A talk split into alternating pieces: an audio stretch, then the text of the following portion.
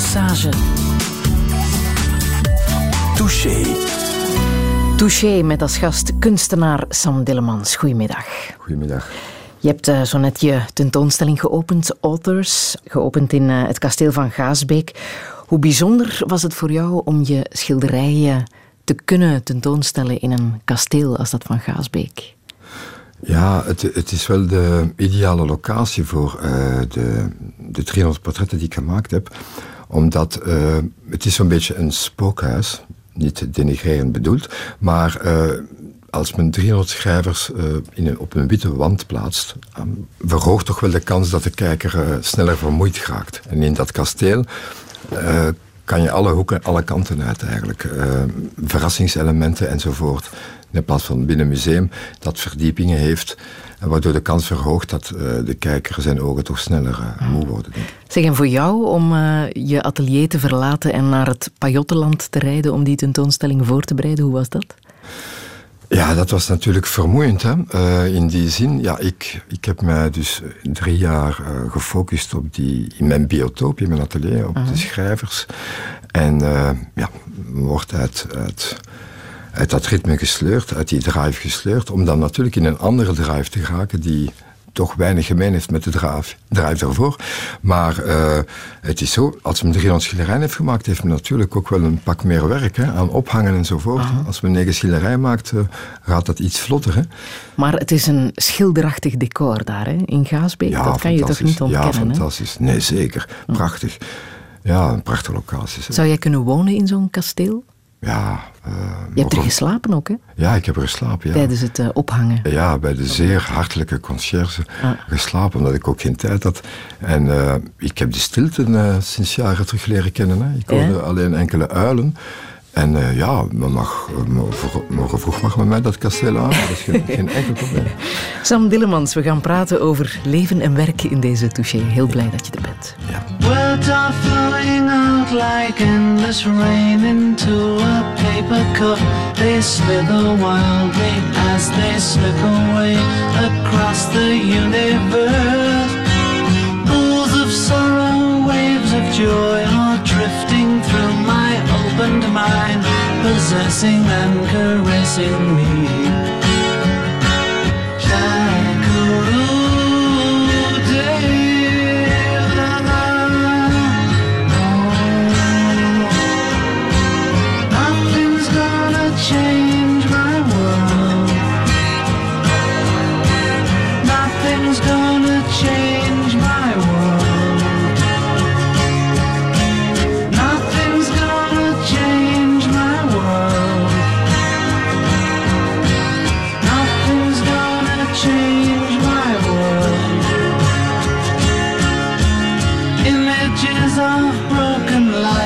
Before me like a million eyes. They call me on and on across the universe. Floats me under like a restless wind inside a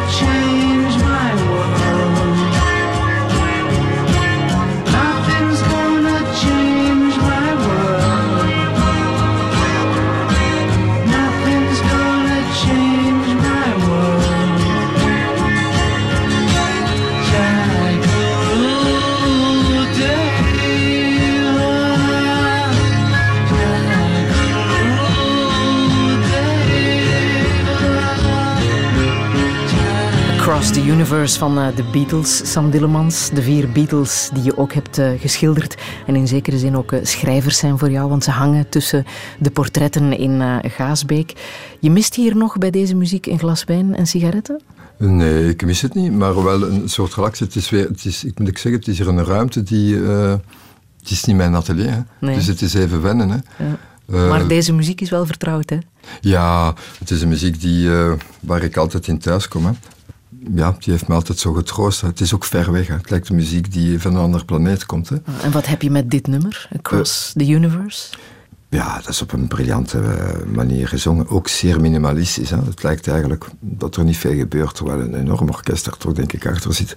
En uh, Across the Universe, het eindigt dus niet. Hè. We blijven maar gaan enzovoort. Uh, the never ending story. Nee, het is ook van een weemoed. En, ja, het, is, het, gebeurt soms dat ik ze 18 keer achter elkaar opzet als ik aan het werken ben. Mhm. Als het geen 36 is. Dus ja, en dat, uh, dat helpt dan. Hè. Dat is dan even uh, in uw... Ja, je zit dan bezig in uw, in uw, in uw moed, je zit goed. En dat helpt. Ik heb dat met ABBA ook, The Day Before You Came. En tot niemand het nog meer wil of kan horen. Gelukkig ben ik alleen. Het zou een plaag zijn voor mijn omstanders. Maar ja, die, dat repetitieve. Ja. Maar die vier Beatles die mogen voor jou naast al die grote schrijvers hangen.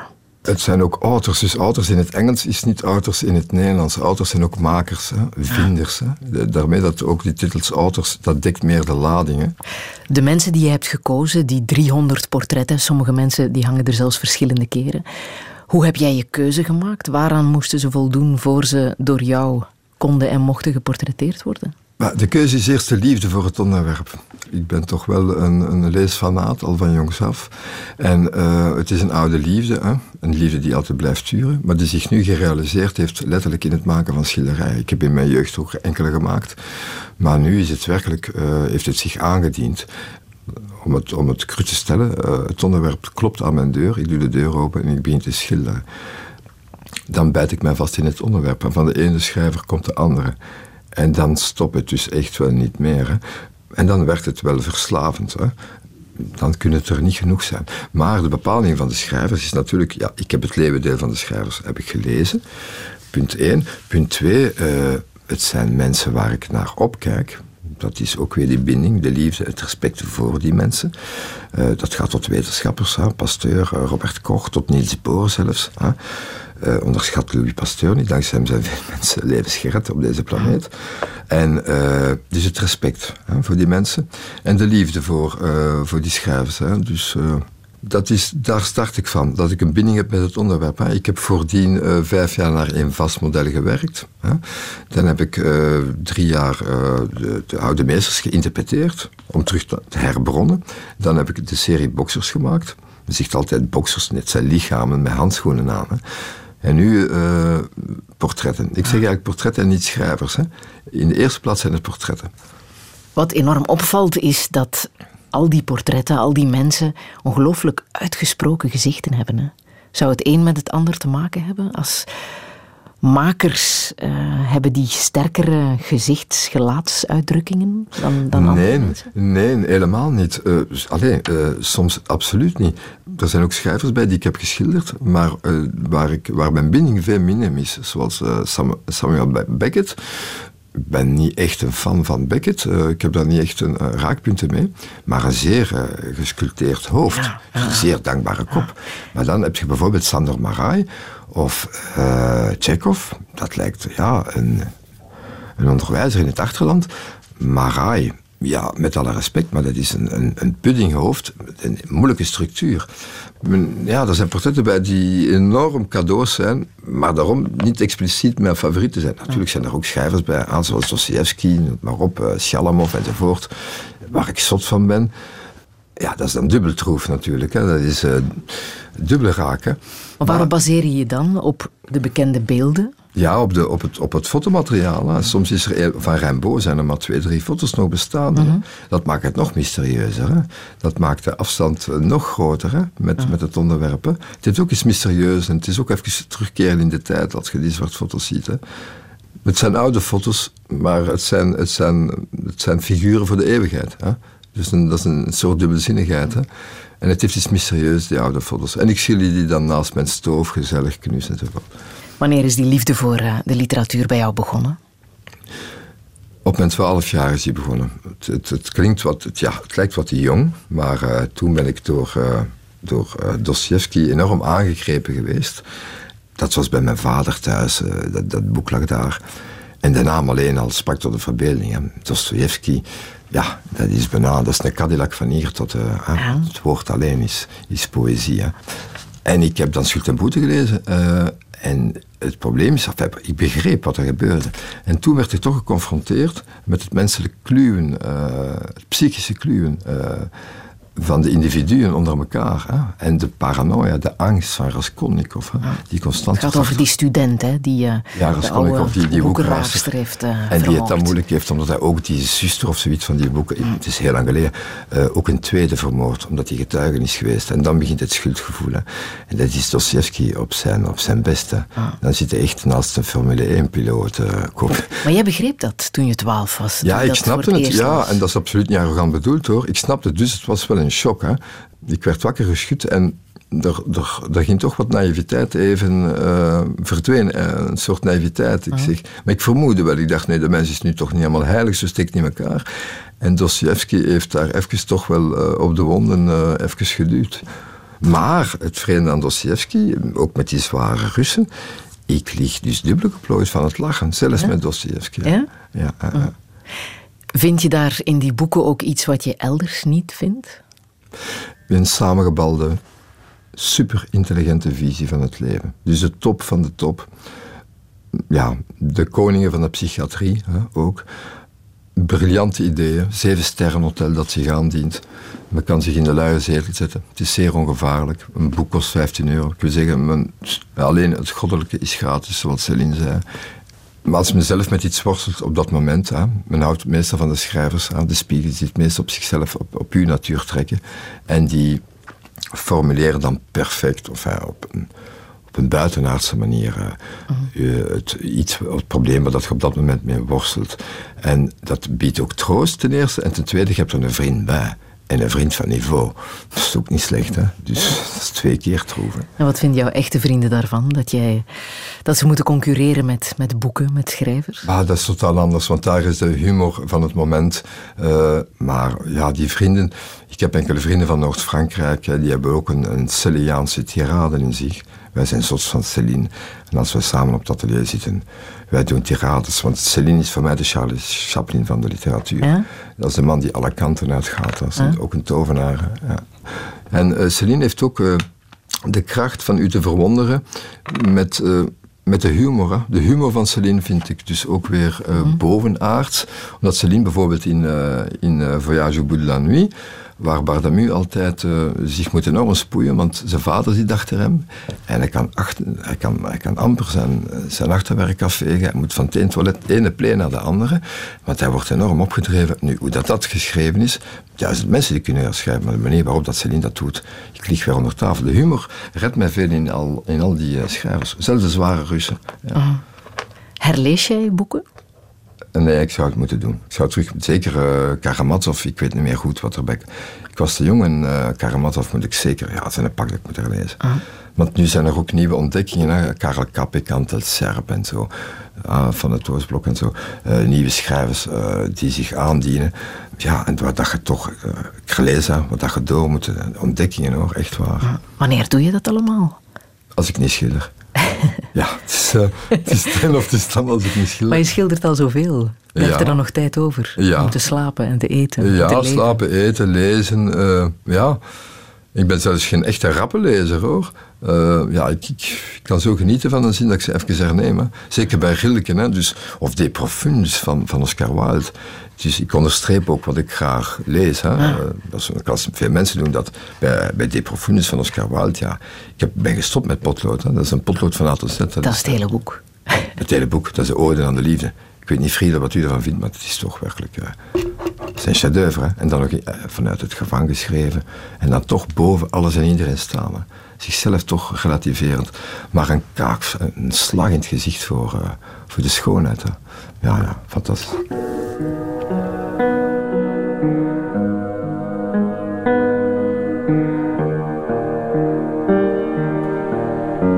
Touché. Mary, Mary Bell, with an uppercase M.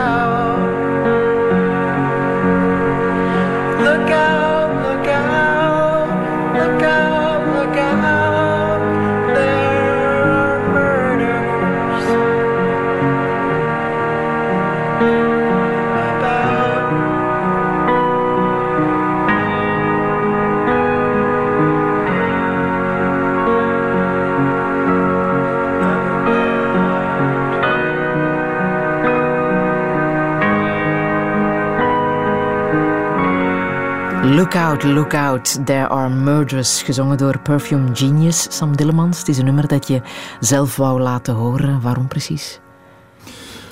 Bah, dat alles kan op deze planeet. Hè. Het is van de schoonheid tot de, tot de ultieme pijn. En, Want wat is het verhaal? ja, het gaat, eh, het gaat over Maribel, die denk in 69 op haar tienjarige leeftijd eh, één of twee Brian heeft vermoord. Dramatisch verhaal, wat nadien zich in, in Engeland ook nog eens herhaald heeft met die scène van de, in het station, dat met die twee kinderen enzovoort. Alles kan. Daar blijf ik bij, alles kan. Ik heb ook wat gelezen over serial enzovoort in mijn leven. Alles wat, wat je bedenkt in je hoofd bestaat. Men is tot alles in staat. En eh, het is goed van dat even te noteren en dat te weten. Dus eh, men zegt altijd, oh, ja, de oorlog is al een enorm voorbeeld, hè, maar ook het individu op zich hè, is eh, tot Wat gebeurd is tijdens de marathon van Boston bijvoorbeeld. Bijvoorbeeld, ja. Dus eh, look out, look out. Hè. Maar niet dat men zich... eh, moet het leven nog altijd... moet het leven nog altijd leven. Hè. Maar het, heeft iets, het is ook mysterieus gezongen. Hè. Ik ben altijd een man van de vorm. Hè. Soms luister ik absoluut naar de tekst. Dus had, had, had, eh, had de groep bijvoorbeeld gezongen... eh, ik ga naar de Aldi en ik heb daar eh, zeven flessen melk gekocht. Maar de toon is zo schoon. Ik ben minder gebonden aan het verhaal, altijd aan de, aan de klank. Touché. Sam Dillemans, rond de periode dat jij de Russen begon te lezen, op je 12, 14 jaar, kreeg je van je moeder een boek cadeau dat jouw leven heeft bepaald. Hè? Een boek over Vincent van Gogh. Ja. Weet je waarom ze jou op dat moment dat boek heeft gegeven? Ja, dat moet een geschenk van boven zijn, zeker. Dat, de beste timing, hè. Ja? Mijn moeder, of mijn, mijn moeder was het ook eh, een verdienstelijke schilderes. Ja, ze, was, eh, ja, ze kon goed schilderen, hoor. Eh, alleen, ze kon haar plan trekken ermee. En ja, ze gaf mij dat boek. Nu, ik, wa- ik was natuurlijk op de hoogte van het bestaan van Vincent. Ik heb voordien, eh, van Vincent van Gogh, ik heb voordien ook veel eh, oude meesters bestudeerd en getekend. Maar dat was toch wel een, een, een shock-effect, ja. En waarom? Waarom kan je dat omschrijven, wat je zo intrigeerde in zijn werk, in die man? Maar de cometische, plastische inslag van zijn werk. Hè. Dus het, het, eh, dat is een komeet geweest. Hè. Die heeft gedurende twee jaar de kunstgeschiedenis absoluut overop gehaald. Hè. Dus van, vanaf Arles tot uh, Auvers-sur-Oise. Twee jaar en een half ongeveer. Uh, ik heb zelden zo'n luciditeit meegemaakt in het schilderen. Hè. Dat is ook de man uh, zonder enige trucjes in het werk. Hè. Dus hij pakt een doek en schildert gewoon van A tot Z daar. Zo. Hm. Dus geen uh, glacies, geen ondergronden, geen... En toch is het, het mysterie zelf, de frisheid, uh, onvoorstelbaar. De helderheid. Van Gogh zei zelf ook, uh, mijn grootste probleem is mijn luciditeit, mijn helderheid. Hij was te helder. Jouw obsessie ging ver, hè, als kind? Ja, ik ging daar wel ver ja. Men moest mij Vincent noemen in het, in, in het college en zo. Ik signeerde mijn... Uh, mijn uh, examens met Vincent en zo. Uh, echt een, ik noem het geen identiteitscrisis, want het was mijn beste vriend toen van alle mensen. Hij was overleden, hij was dood. Nee, nee, hij leefde voor mij, hij was levend. Hè. Ah. En ik, ja, ik verplaatste mij in hem. Ik heb zijn brieven gelezen in de korenvelden van Bertem, waar ik dan mijn wandelingen deed. En tot traans toe enzovoort. Ja. Was je verliefd op hem? Ja, zo moet je het wel noemen, ja. Maar toen had ik nog het romantisch beeld van Van Gogh. Het waarachtige beeld van Van Gogh is veel Le pauvre Vincent. Ik ben nu ook ouder, ik ben 48. Uh, romantiek, 0,01 procent. Het wordt nogal vaak romantisch uitgebeeld, zijn leven. De man op de zolderkamer, die worstelt met zichzelf enzovoort. Kijk, als je geen geld hebt, je hebt geen liefde, je tanden vallen uit. De gezondheidszorg is min 5 bij hem in zijn geval. Veel romantiek is er niet aan te verwachten. Zijn enige uitweg was de schilderkunst. En zijn karakter was natuurlijk ook niet van de gemakkelijkste. Sinds uh, deze week is er op uh, één um, een vierdelige reeks te zien over Vincent van Gogh. Een huis voor Vincent. Gebaseerd op zijn leven. Um, van Gogh is in zijn jonge leven. Um, heeft hij een uh, korte passage doorgemaakt in de Borinage. Hè? Mm -hmm. Als beginnend priester. Mm -hmm. Tot zijn vader hem daar kwam halen. Je moet dus luisteren naar de gedramatiseerde versie. Je gaat met mij mee.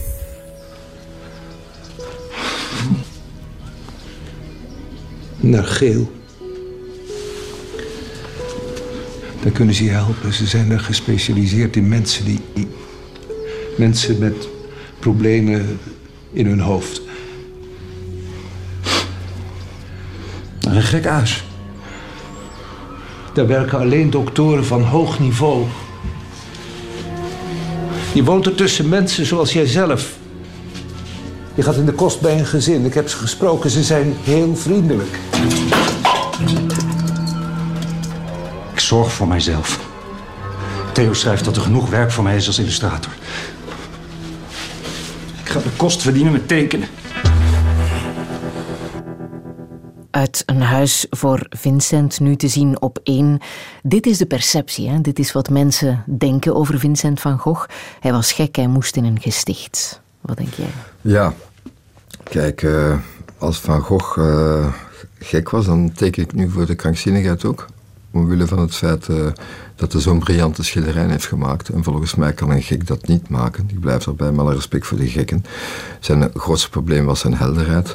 En natuurlijk het dramatische effect van Van Gogh is een zeer dankbaar onderwerp om daar natuurlijk ja, bijna uh, meer rond te strooien en misschien toch soms wel uh, de waarheid enig geweld aan te doen. Ja. Maar wat voor iemand was hij volgens jou, als volgens jij hem mij, zou kunnen omschrijven? Uh, volgens mij was Van Gogh ten eerste een enorm gedreven man, die zeer koppig was, die goed wist wat hij wou, zeker op oudere leeftijd, die een enorme energie had. Dus als Van Gogh hier in de studio zou verschijnen, denk ik dat wij twee meter afstand direct nemen. Gewoon de verschijning op zich de energie die hij uitstraalt.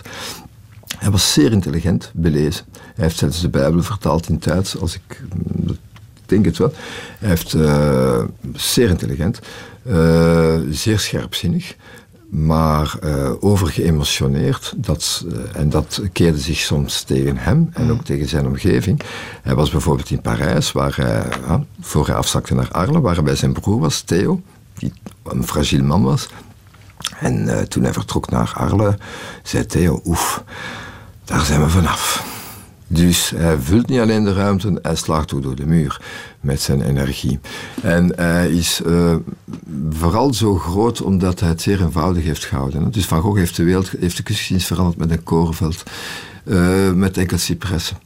Met een klein stilleven. En hij eigenlijk is degene die, die predikt wat ik ook eigenlijk al lang uh, aan iedereen predik van alleen de vorm telt, uh, het, uh, niet het verhaal. Men gaat tegenwoordig nogal enorm op in verhaaltjes, in vondstjes, in maatschappijkritische werken. En het werk leidt daaronder. Men mag dat doen, maar men werkt te weinig aan zijn schilderij en te veel aan zijn boodschap. En Van Gogh, zoals vele grote schilders, zijn zeer simpel in. Zelfs Picasso ook. Hè. Hij heeft alleen maar naakte strandscènes. En heeft heel de, de plastische wereld daarmee veranderd. Door de manier waarop Breugel zijn. kijk naar de, de korenvelden van Breugel. Hetzelfde verhaal. Dus dat vind ik wel fenomenaal aan Vincent van Gogh. Ook weer dat simpele thema. Als ik je portret zie, kijk, ik kan het door honderd mensen laten schilderen. Hè. Uh, maar er zullen maar drie overeind blijven. Waarom? Door de manier waarop ik je portret gemaakt heb. En de rest is richting Prulleman bijna. Ah. En dat is het geheim van... Uh, dat, dat vind ik fenomenaal aan Van Gogh en aan vele schilders. Van Gogh natuurlijk is jong gestorven. Heeft zich eh, in het hart geschoten. Ook een, een grote vergissing van veel mensen, denkt door zijn hoofd, in het hart. Dus de plaats waar hij het meest geraakt is in zijn leven. Hè. Uh, en waarom denk je? Want dat is ook allemaal de reden waarom je af en toe uh, zich niet meer in de hand had. Hè? Ja, uh, hoe zou het gezellig zijn? Je hebt geen vrouw, hè? Je, hebt, je hebt geen liefde. uw toekomst is volledig onzeker. financieel. En het was ook het moment, het laatste moment, dat zijn broer zegt: Kijk, ik kan u bijna geen geld meer geven. En hij was plastisch op. Hij was, het vat was op, hij was moe. Dat zijn de vier eenvoudige reden. Je moet daar niet te ver achter zoeken. hè? Dus geen geld meer krijgen, plastisch moe zijn. De liefde, ja, dat is voor nooit meer. Mijn tanden zijn al drie keer uitgevallen. Uh, ik ben optismo, ik ga de mensen ermee lastigvallen. Ik heb mijn taak gedaan, ik verlaat. Dat is ook in alle rust vertrokken. Hè. Zijn laatste woorden was, ja, hij zei wel, la tristesse durera toujours. Daar ben ik niet zeker van. Zwart. Uh, er zijn ook fouten geweest met uh, dokter Gachet. nu was hij direct gered De dokter die erbij was op het einde van zijn ja, leven. Die, hij zei het zelf. Hè. Vincent was nog lucide genoeg. dat was Breugel. De enige, ene blinde die de andere leidt. En dat was alle twee in de gracht. Hè. Dus Gachet was nu ook niet een dokter. Het, het voorbeeld van de, de psychiater die het moest zijn. Hè. Mm. Dus dat zag hij allemaal. Hè. Zeer intelligent en to the point, die man. Hè. Welke les haal jij uit dat leven van Vincent van Gogh? Uh, dat, dat men niet genoeg standbeelden kan maken van, figuurlijk bedoeld dan, van de ware talenten. En waar dat cliché van dat, uh, ja, men is pas bekend na zijn dood. Nu is men uh, bekend vaak tot zijn dood. Mm. Is het ook gedaan dat je ook niet kan leven zonder liefde, zonder geld, of zonder Ja, dat zijn, dat zijn toch de, de voedingsstoffen van, van het ware bestaan. Oké, okay, men kan het een poos volhouden. Maar zeker een man die zoveel liefde heeft gegeven als Vincent van Gogh. Hè? Zoveel liefde heeft gegeven. Een gever, die, wil toch ook wel, die krijgt ook wel wat graag. Hè? Iemand die zuinig is met geven, die, uh, die kan oud, die wordt oud hoor. Pas op. Ken je iets van jezelf in de figuur Vincent van Gogh? De gedrevenheid wel, ja de gedrevenheid en ook het, uh, en ook het u niet laten bepraten door uh, de, de hedendaagse trends enzovoort. Totaal, uh, totaal geen rekening mee houden. Ja. Dat wel. Voor de rest, helaas, ik hoop dat, dat ik ooit enkele raakpunten heb. Maar een genie, een genie. Van de week stond in de krant dat uh, op Google Art, de digitale kunstgalerij waar zo'n 40.000 werken op te bezichtigen zijn, de sterrennacht van uh, Van Gogh het meest geconsulteerd wordt. Ja. Heb je daar een verklaring voor? Ja, uh, ten eerste omdat Van Gogh is, soms is het ook wel, het is Van Gogh, maar gaat ook allemaal naar de Mona Lisa kijken. Maar wie kijkt er nog naar de Mona Lisa? Begrijp wat ik bedoel? Uh, het is een must geworden. Hè. Dus ik weet niet eh, welke werken daar nog allemaal hangen. Daar ben ik niet van op de hoogte. Maar de sternacht, ja, natuurlijk... Uh, dat is uh, 500 jaar vooruit al. Hè. En dat zal ook nooit meer gemaakt worden. Maar men gaat ook naar Van Gogh omdat Van Gogh is. Hè. Ik ga naar Van Gogh omdat, om, omwille van de schilderijen. Hè. Want men zegt soms, kijk, Van Gogh, ja, allez, wordt verkocht voor 3 miljard. Ik heb er een antwoord voor. Dat is misschien 2 miljard te weinig. Hè. Het is juist, juist het tegenovergestelde. Want de mensen zeggen, nee, 3 miljard. Ik zeg, ja, het zijn er misschien 2 te weinig. Waarom niet? Je moet ook de humor daar wat van inzien. Hè. Het is zijn Weet bij Van Gogh is zo, bij Van Gogh, ik heb Van Gogh gezien in Londen. Hè, en Degas hing ernaast, Claude Monet, de, de grote, hè, de bazen hè, de, van de impressionisten. En toch steeg zelfs bij, bij de grote, bij de toppers, Van Gogh toch weer een niveau hoger. Ah. En dan echt goed omringd hè, door de elite van de kunsten.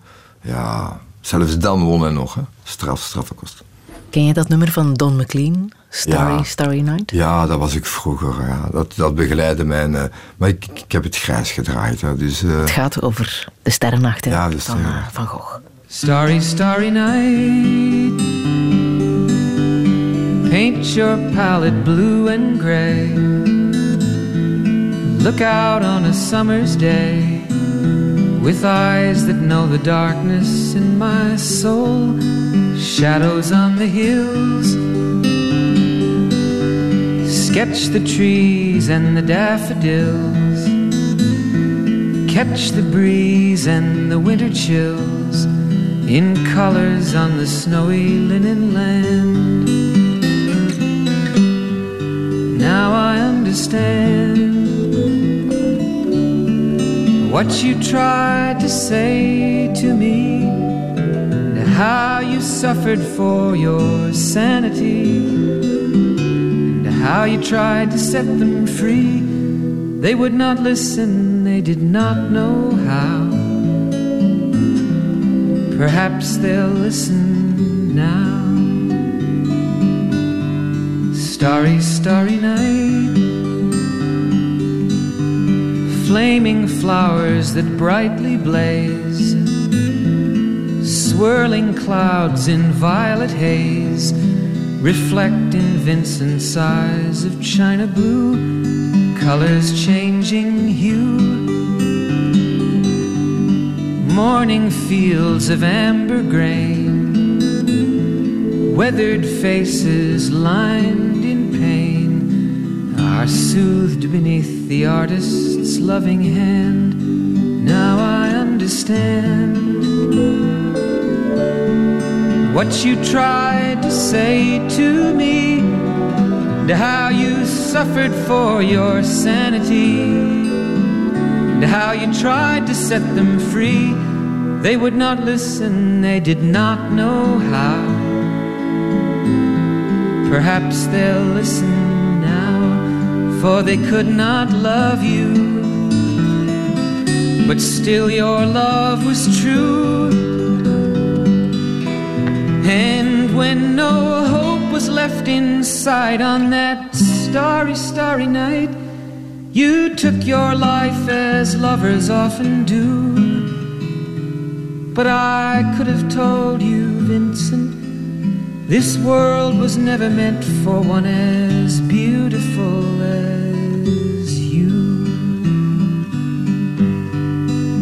Starry, starry night. Portraits hung in empty halls frameless heads on nameless walls, with eyes that watch the world and can't forget, like the strangers that you've met. The ragged men in ragged clothes, a silver thorn, a bloody rose, lie crushed and broken on the virgin snow. Now I think I know what you tried to say to me, and how you suffered for your sanity, and how you tried to set them free. They would not listen, they're not listening still. Perhaps they never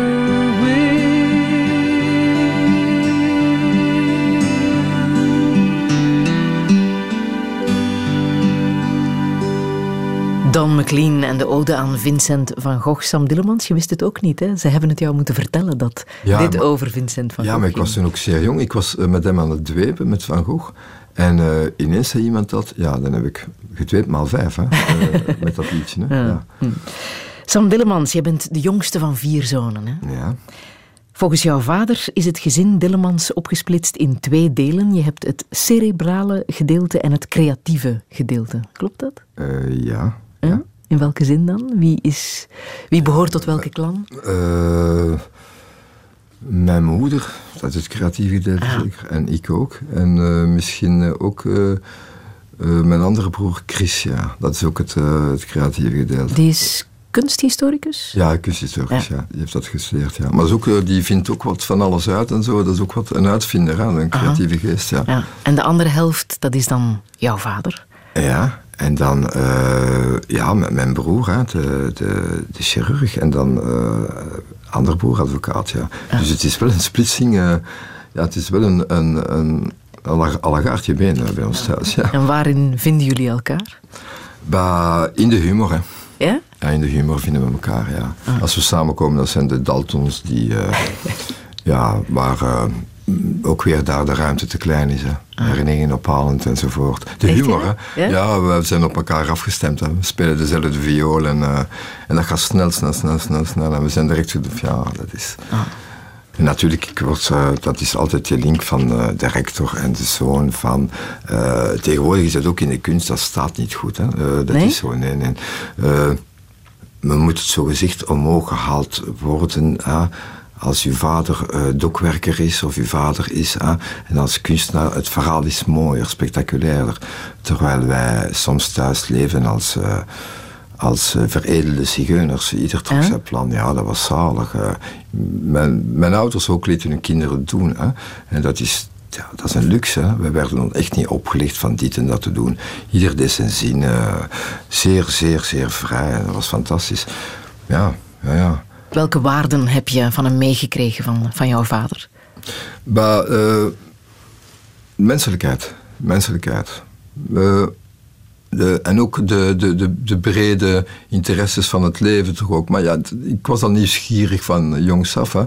Maar uh, dus de grote kunsten die er zijn. Hè. Dus de, de plastische kunsten, de muziek, de literatuur.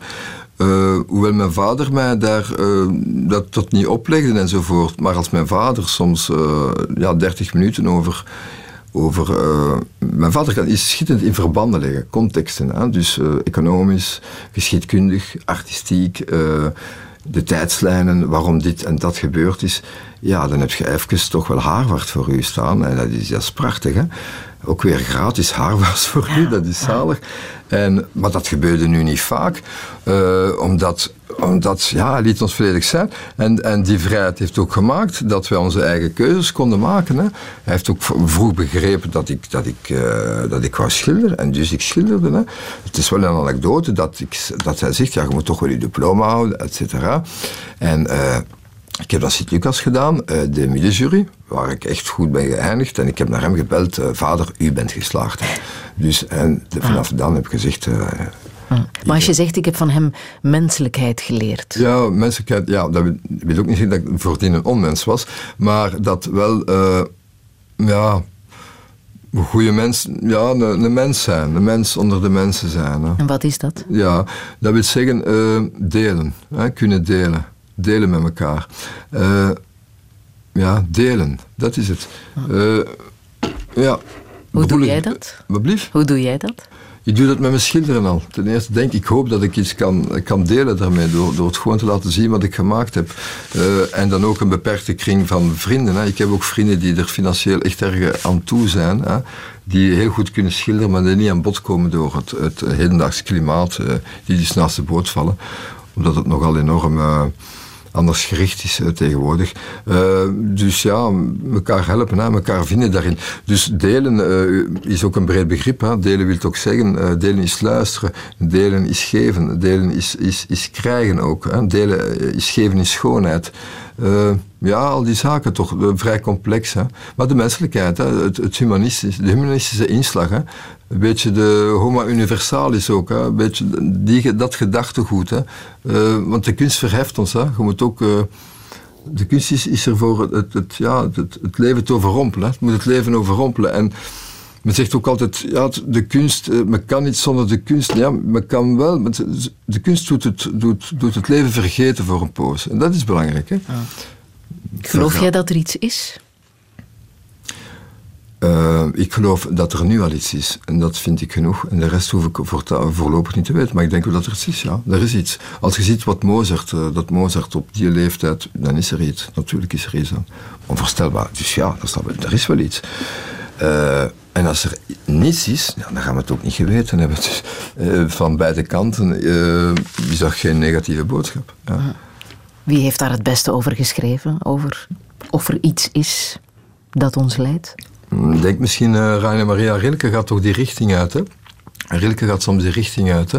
Uh, omdat hij in zijn, in, in zijn werk uh, laat voelen van... het stopt niet. En Flaubert, die geloofde in in de, in de vorige levens. Hè. Gustave Flaubert, super intelligent, die geloofde wel in de, in de vorige levens. Hè. Dat men niet zomaar van, ah, men is dat geweest in dat leven, want dan wordt daarmee gelachen voor. Maar als Flaubert dat zegt, ah, toch even een vingerwijzing, toch even opletten dan. Touché.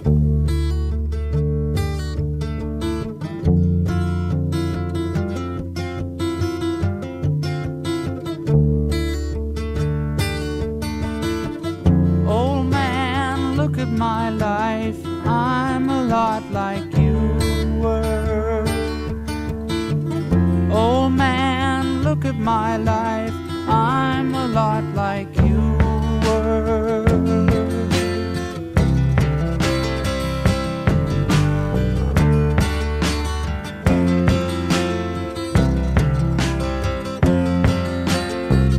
Old man, look at my life. 24 and there's so much more live alone in a paradise that makes me think of two. Love lost such a cost. Give me things that don't get lost, like a coin that won't get tossed, rolling home to you.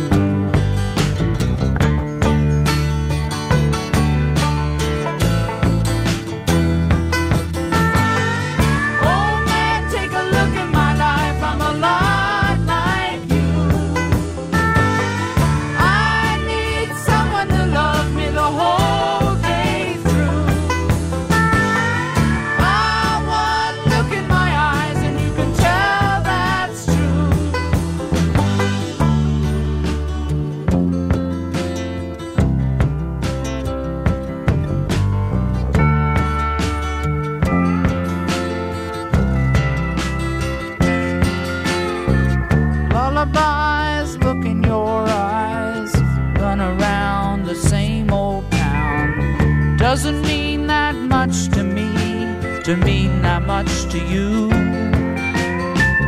I've been first and last.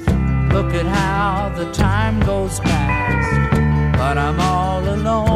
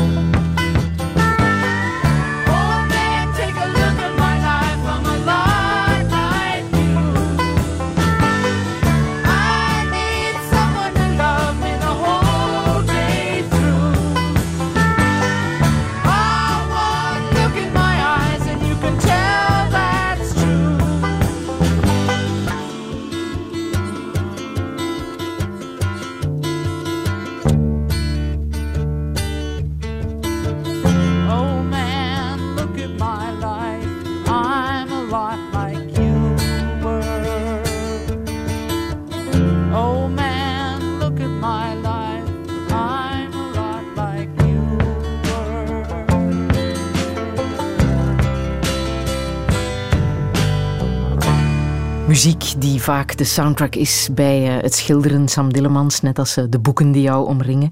Neil Young en Old Man uit Harvest. Ja, dat is, dat is een schitterende plaat. Ah. Dat, dat, is de, de, de, titel van de plaat waarschijnlijk. Ja, ja. Ah. Harvest. Heel goed.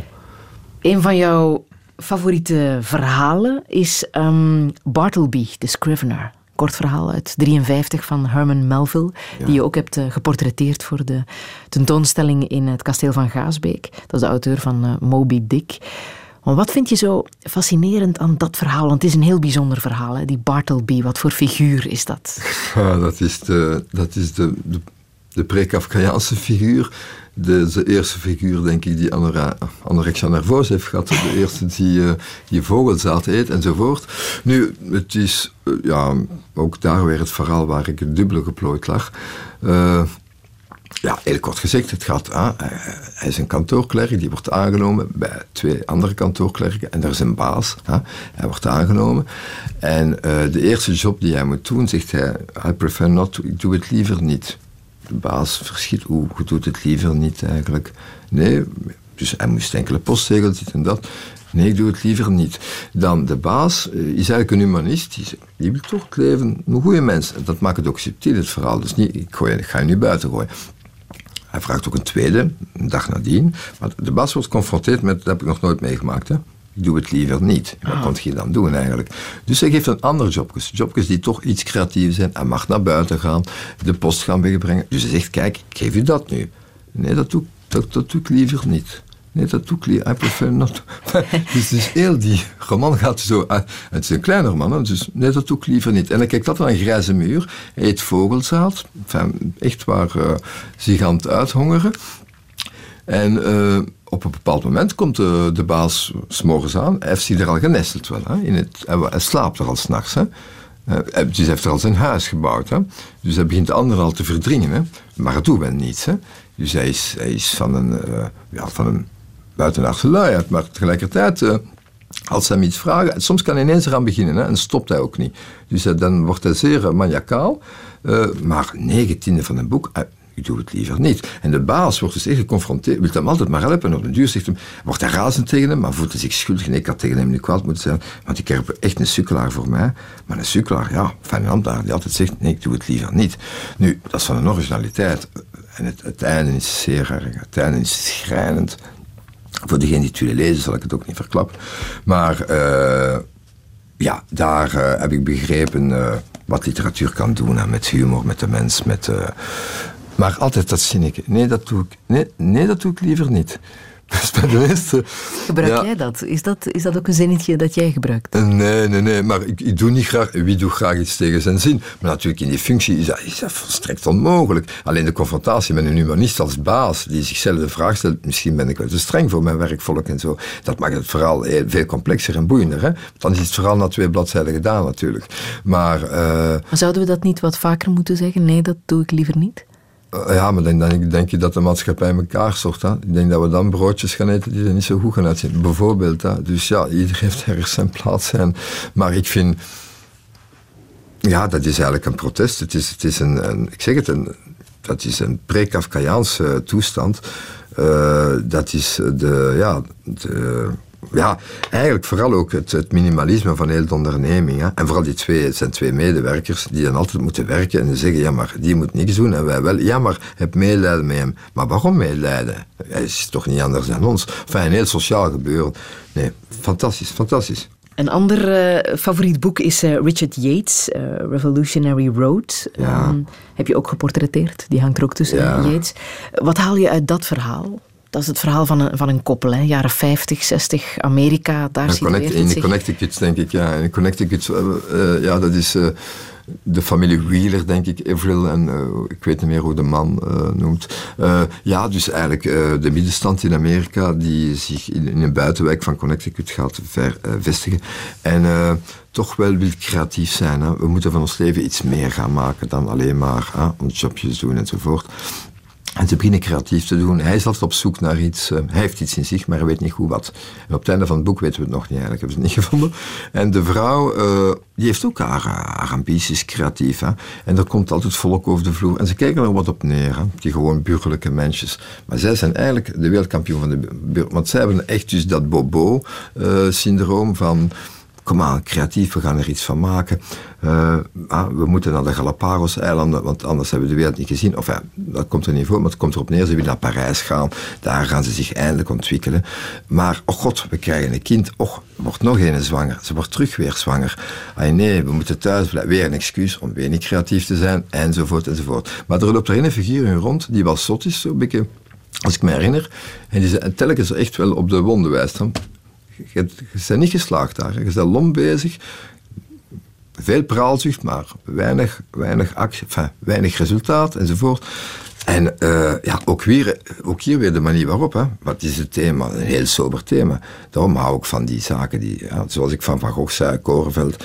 simpel thema, ook hier een simpel thema. De crisis tussen de personages. De man die even in de tuin in de hoek gaat huilen in zijn eentje.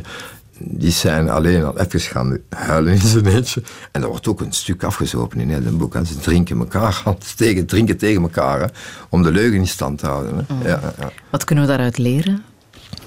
In Eh, deze tijd, in deze maatschappij? Dat er toch veel mensen rondlopen met verschillende prachtige plannen en concepten. En we zijn allemaal lekker creatief. Want sinds de Tweede Wereldoorlog is zeer goed nieuws. Is de vrije tijd. Eindelijk hebben de mensen vrije tijd. Eindelijk. Natuurlijk komt men dan sneller zichzelf tegen in die vrije tijd. En die vrije tijd die bestaat nog maar 60 jaar. Dat is eigenlijk kort in de geschiedenis, in de hele geschiedenis. Dus men kan met die vrije tijd nog niet goed om. Men komt zichzelf wat meer tegen. En soms is dat, voor sommigen is dat slecht nieuws, zichzelf tegenkomen. Dus men vult die vrije tijd soms nogal... eh, hoe moet ik het zeggen, toch niet echt intelligent in. Of, of, of, of op een manier dat ze rap uitgeput geraakt. Hè? Dat de reserve van invullingen rap uitgeput geraakt. Hè? Want zoals consumentisme enzovoort, dat gaat ons niet helpen. Ja, dat leg je dat wel uit. Welke eh, levensles haal jij uit eh, de opera van eh, Vincenzo Bellini, La Sonnambula? Ja, dat is schoonheid, de, de soberheid van één stem tegenover de andere stem. En dan naar het crescendo gaan enzovoort. De les is daar gewoon, de les is schoonheid. Hè. Schoonheid en ja, dat, die zingen u mond toe gewoon. Hè. Sluit uw mond in. Ofwel doe je ermee maar hopen van bewondering. Eh, ja, dat is verdwijnen, eh, verdwijnen eh, richting naar boven. Hè. Ja, als zoiets bestaat, dan... God, ja.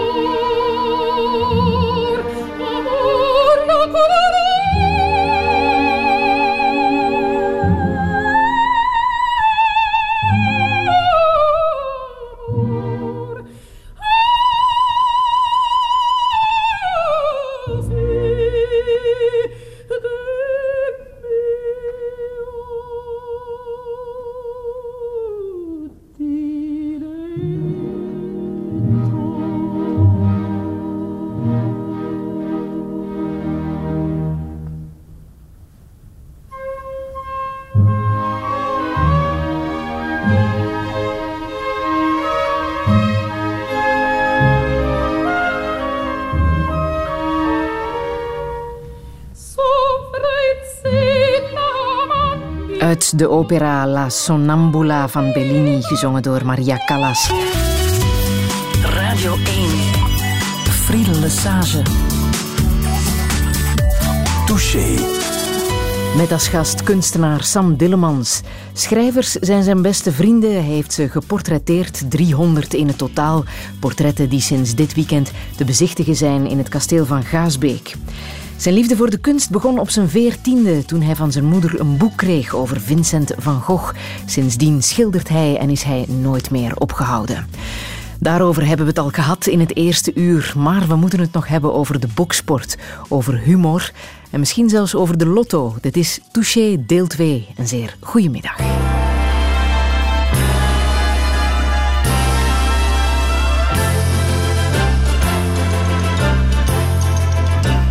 Le soleil qui se lève et caresse les toits et c'est Paris le jour. La Seine qui se promène et me guide du doigt et c'est Paris toujours. Et mon cœur qui s'arrête sur ton cœur qui sourit, c'est Paris bonjour. Ta main dans ma main qui me dit déjà oui, c'est Paris l'amour. Le premier rendez-vous à l'île Saint-Louis, c'est Paris qui commence. Et le premier baiser volé aux Tuileries, c'est Paris la chance. Et le premier baiser reçu sous un portail, c'est Paris romance. Et deux têtes qui tournent en regardant Versailles, c'est Paris la France. Des jours que l'on oublie, qui oublient de nous voir, et c'est Paris l'espoir. Des heures où nos regards ne sont qu'un seul regard, et c'est Paris miroir. Rien que des nuits encore qui séparent nos chansons, et c'est Paris bonsoir. Et ce jour-là enfin où tu ne dis plus non, et c'est Paris ce soir. Une chambre un peu triste où s'arrête la ronde, et c'est Paris nous deux. Un regard qui reçoit la tendresse du monde, et c'est Paris tes yeux. Ce serment que je pleure plutôt que ne le dis, c'est Paris si tu veux. Et savoir que demain sera comme aujourd'hui, c'est Paris merveilleux. Fin du voyage, la fin de la chanson, et c'est Paris tout gris. Dernier jour, dernière heure, première larme aussi, et c'est Paris la pluie.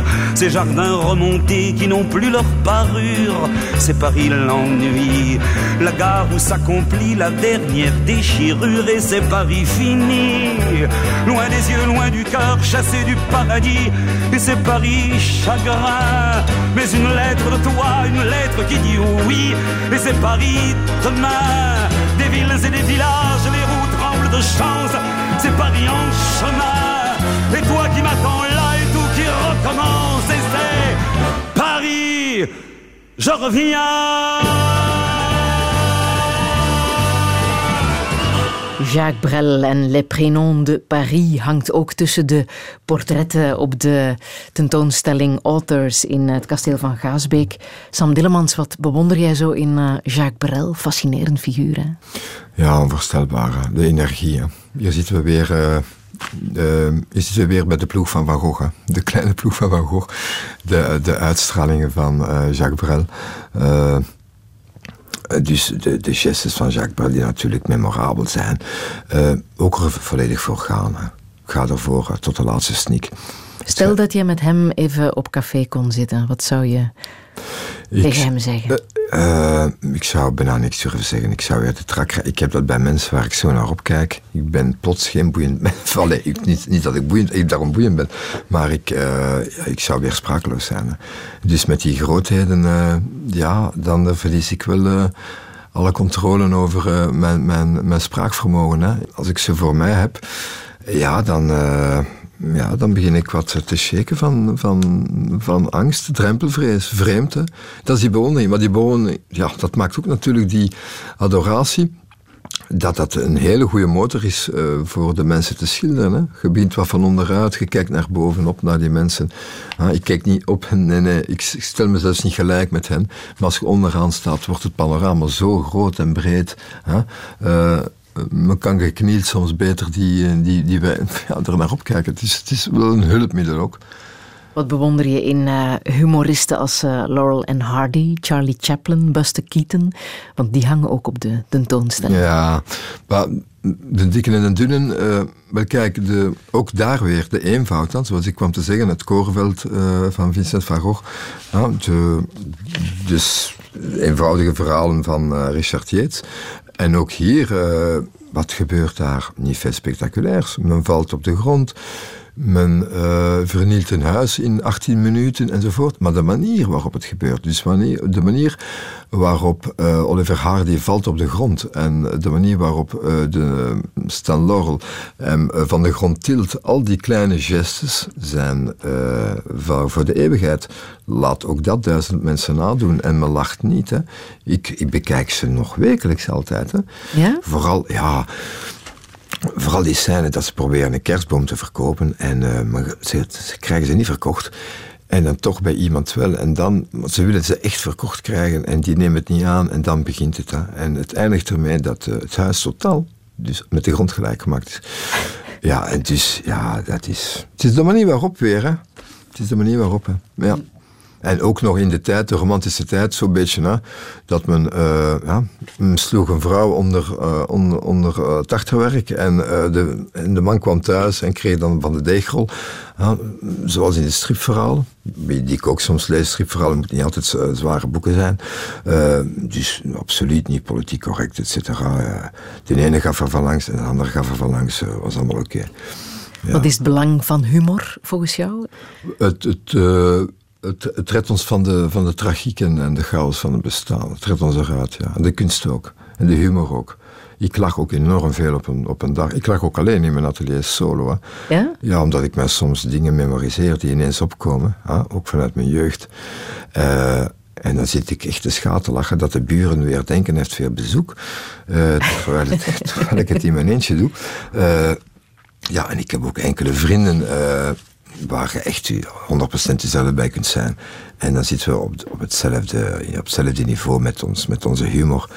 En dat, ja, dat, dat, ja, daar zit ook troost in. Ja, ik vind humor uh, het allerbelangrijkste. Dat, dat staat bovenaan de lijst voor mij. Kies je op basis daarvan jouw vrienden, denk je?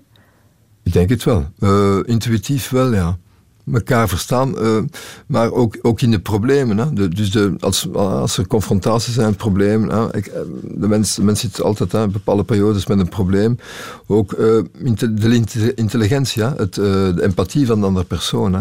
Maar niet zomaar de goedkope empathie, dus de empathie die je ook scherpzinnig begrijpt. Hè. En ook direct de hulpmiddelen biedt die op dat moment de meest efficiënte zijn, zonder wonderen te kunnen verrichten. Hè. Niet van het zal wel beter gaan, daar heeft men, ja, daar heeft men weinig boodschap aan. Dan gaat het alleen maar slechter als men dat zegt. Ja, dat gaat wel voorbij. Ja, maar op dit moment gaat het niet voorbij. Dus niet van dat advies. Hè. Nee, advies uh, dat op dat moment zeer uh, noodzakelijk ingrijpend en zeer behulpzaam is. Hè. En daar nog, nog eens gekruid met relativerings, uh, het relativeringsproces daarvan. Schitterend. Ja, dat is belangrijk. Ook in de literatuur heb je humoristen uh, gevonden. Hè? Bijvoorbeeld uh, de Tsjechische schrijver Jaroslav Hasek. Daar, uh... Ja, de lotgevallen van soldaat. Ja. ja de, Wat heeft jou daarin zo getroffen? Maar, men zit daar toch wel te drinken van, van bladzijde 1 tot bladzijde... Ja, men drinkt zich daar allemaal zo te pletter. Men blijft ook overeind, wat ook wel verwonderlijk is. Een beetje à la Bukowski.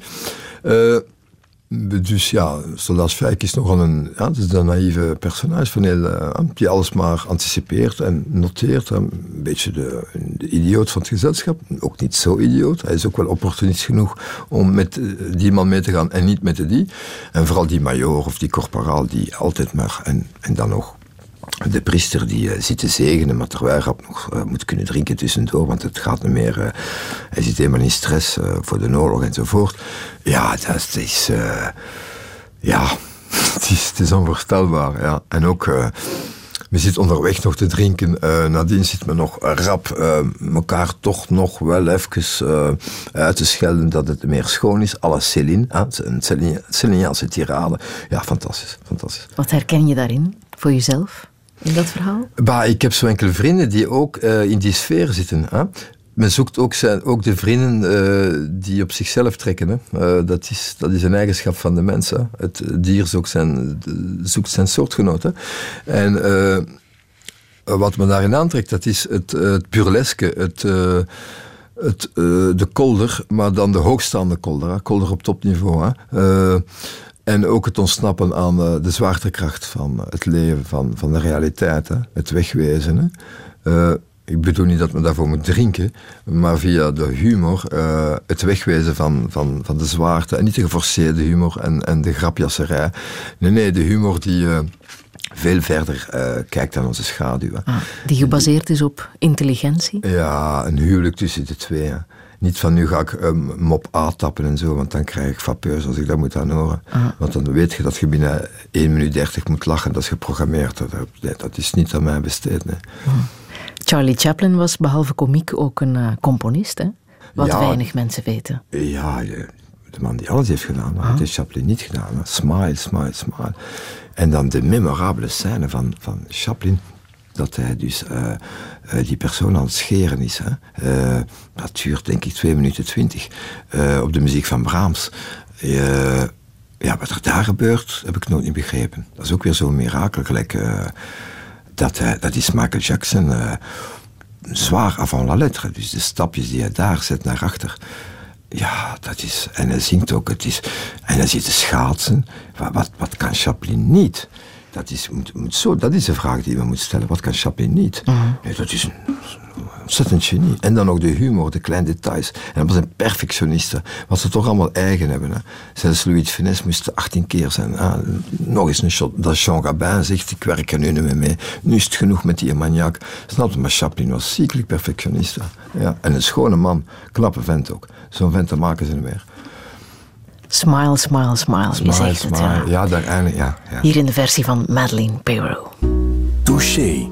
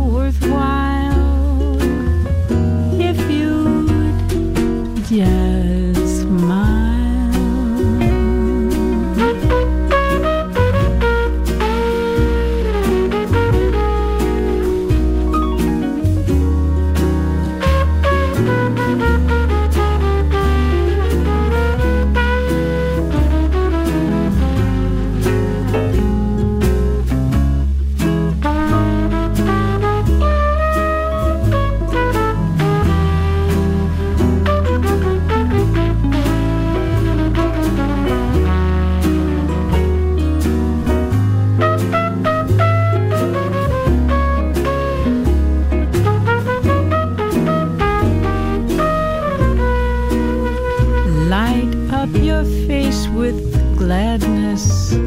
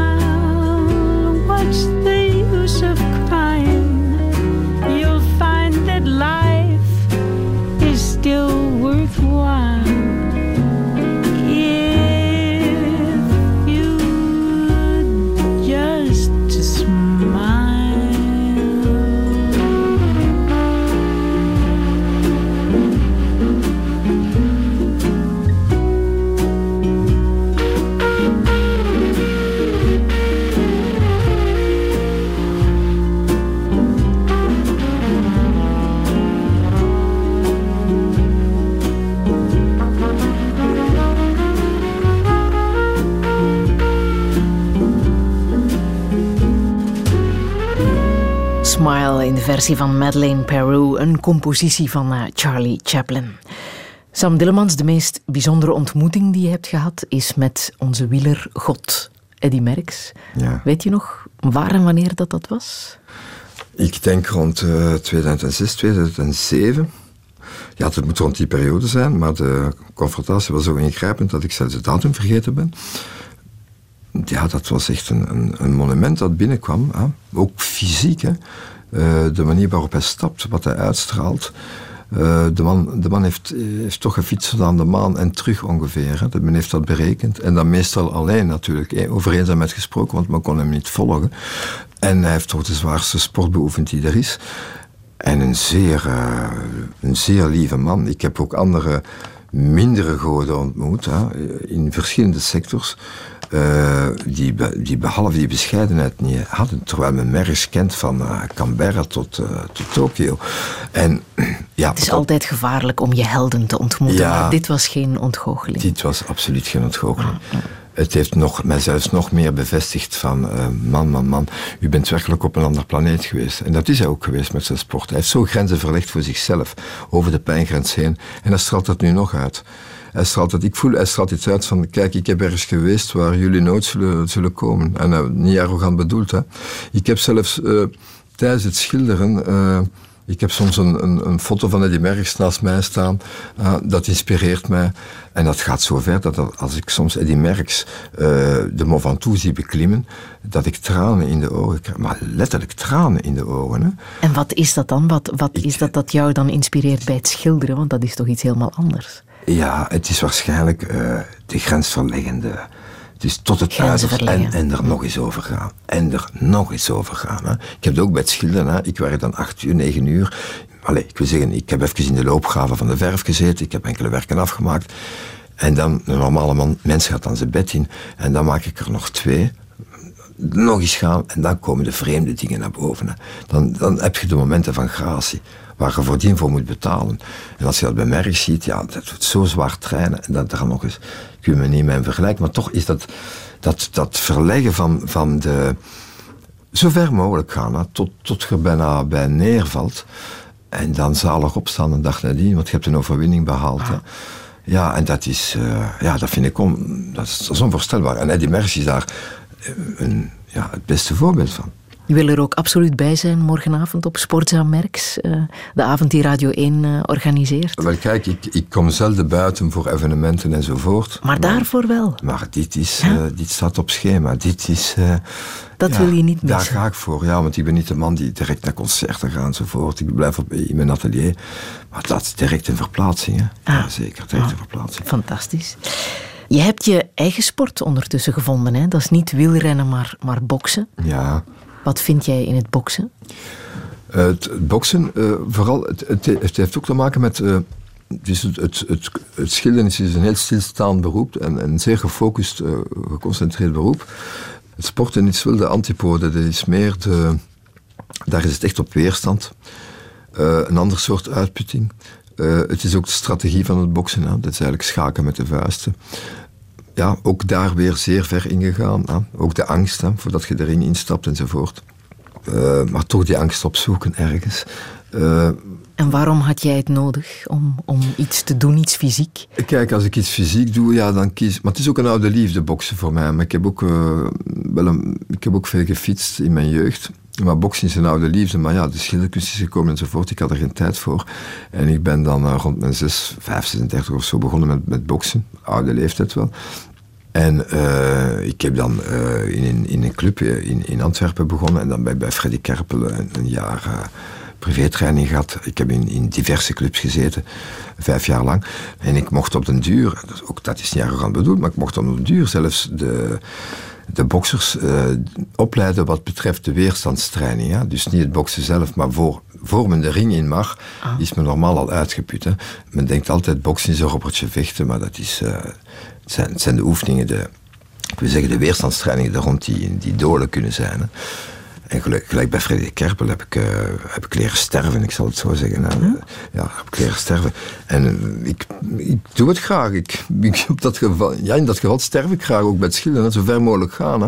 totaal uitputtend. Hè? Maar het is ook een heel nobele, schone sport. Hè?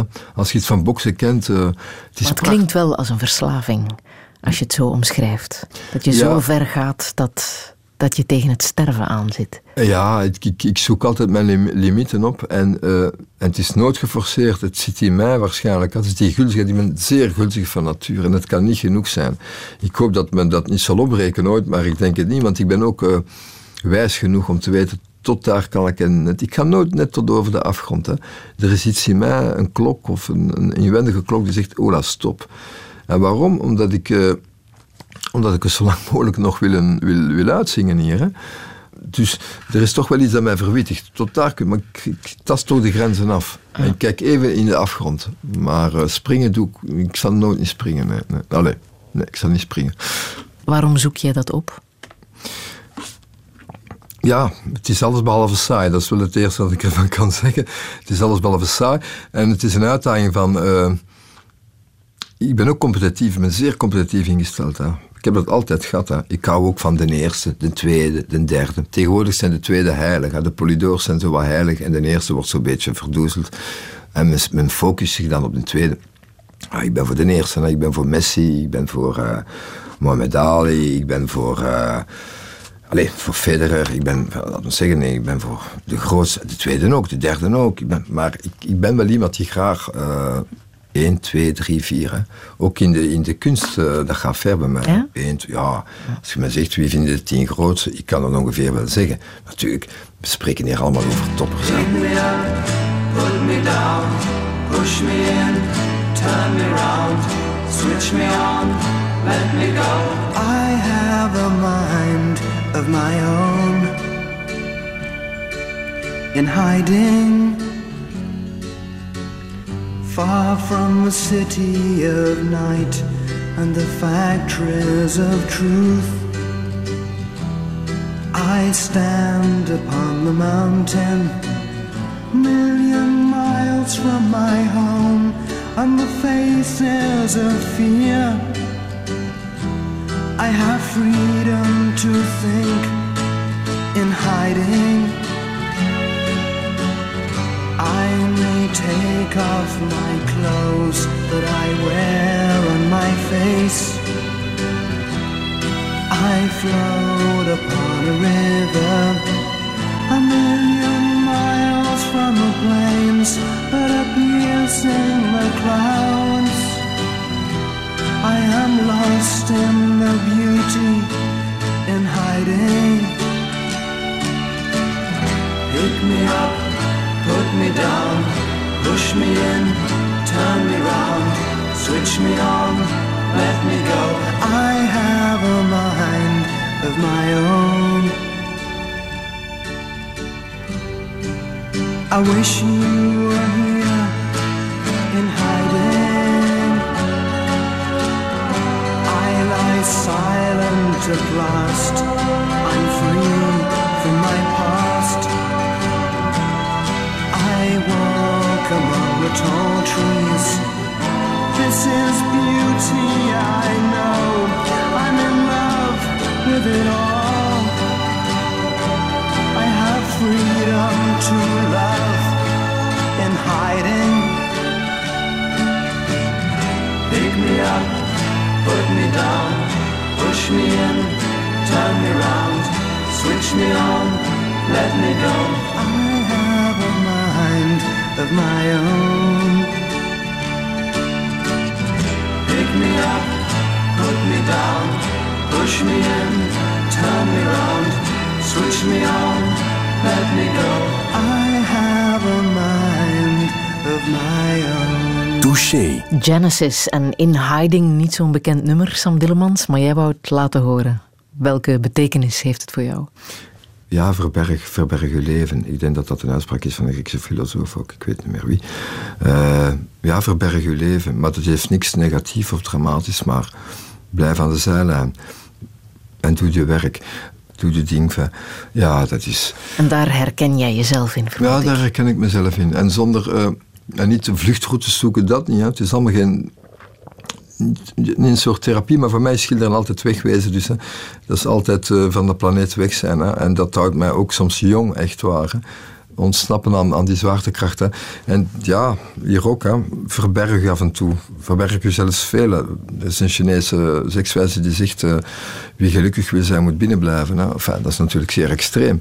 En hoe lang blijf jij zo doorgaans binnen als je bezig bent in jouw atelier? Uh, bah, dat duurt toch wel een hele poos. Hè. Ik doe in de namiddag mijn sport en dan uh, nadien begin ik te schilderen tot toch s'nachts. En dan, uh, ja, dan gaan eten bij mijn vriendin is enzovoort. Maar dat is wel heel disciplinair hoor. Mm. Ja, heel disciplinair. Anders Zitten daar ook dat... geen gevaren aan vast om ja, je af te sluiten van, van de buitenwereld? Uh, nee. Uh, ik, ik, doe het liever tussen vier muren dan tussen vier mensen die ik niet ken, al bijvoorbeeld. Hè. Dan voel ik me meer in thuis. En ik heb ook niet het gevoel dat ik daar alleen ben, dus absoluut niet. Hè. En zeker niet bij die de grote geesten die ik nu geschilderd heb. Ik was in nabijheid van, uh, van, van, van, van de cultuur, van, van, van de beschaving. Gewoon de top van de beschaving. Dus daar al zeker niet. Maar zelfs de verf is, is, dat is een van mijn beste vrienden. Ik, bij het minste dat er iets gebeurt of dat een onregelmatigheid in mijn leven is, grijp ik als stiek nerveus onmiddellijk naar mijn verf. En men gaat zeggen, ja, dat is weer therapeutisch, dat is weer... Ja, en dan, het is een ongevaarlijke therapie. Hè. Het is niet dat ik hier uh, plots uh, 17 tranquilizers nodig heb. Hè. Het is een tranquilizer, dat schilderen. Het is weer thuiskomen bij jezelf, in de verf, thuiskomen. Rustig, kalm. Kunst is ook volstrekt ongevaarlijk. Begrijp je? Je valt niet van de trap uh, door kunst te maken. Je doet niemand niet pijn, je valt er niemand niet meer lastig. Maar dat is ook een probleem dat kunst zo ongevaarlijk is dat ook alles kan in kunst. Hè? Als een chirurg uh, zes keer verkeerd snijdt, mm -hmm. ja, dan uh, is de kans groot dat hij eruit vliegt. Hè? Maar heeft dat worstelen met je eigen werk jou ook al gekwetst, het jou ook al moeilijk gemaakt? Psychisch dan? Of, uh, ja. Als een schilderij niet lukt, ja, dan, dan ben ik ontevreden. Hè? Matisse zijn mijn grootste vijanden, zijn mijn slechte schilderijen. Moest ik dat kunnen zeggen op het einde van mijn leven, dan is er mij weinig gebeurd. Hè. Dat dan zijn mijn dierbaren nog niet gestorven.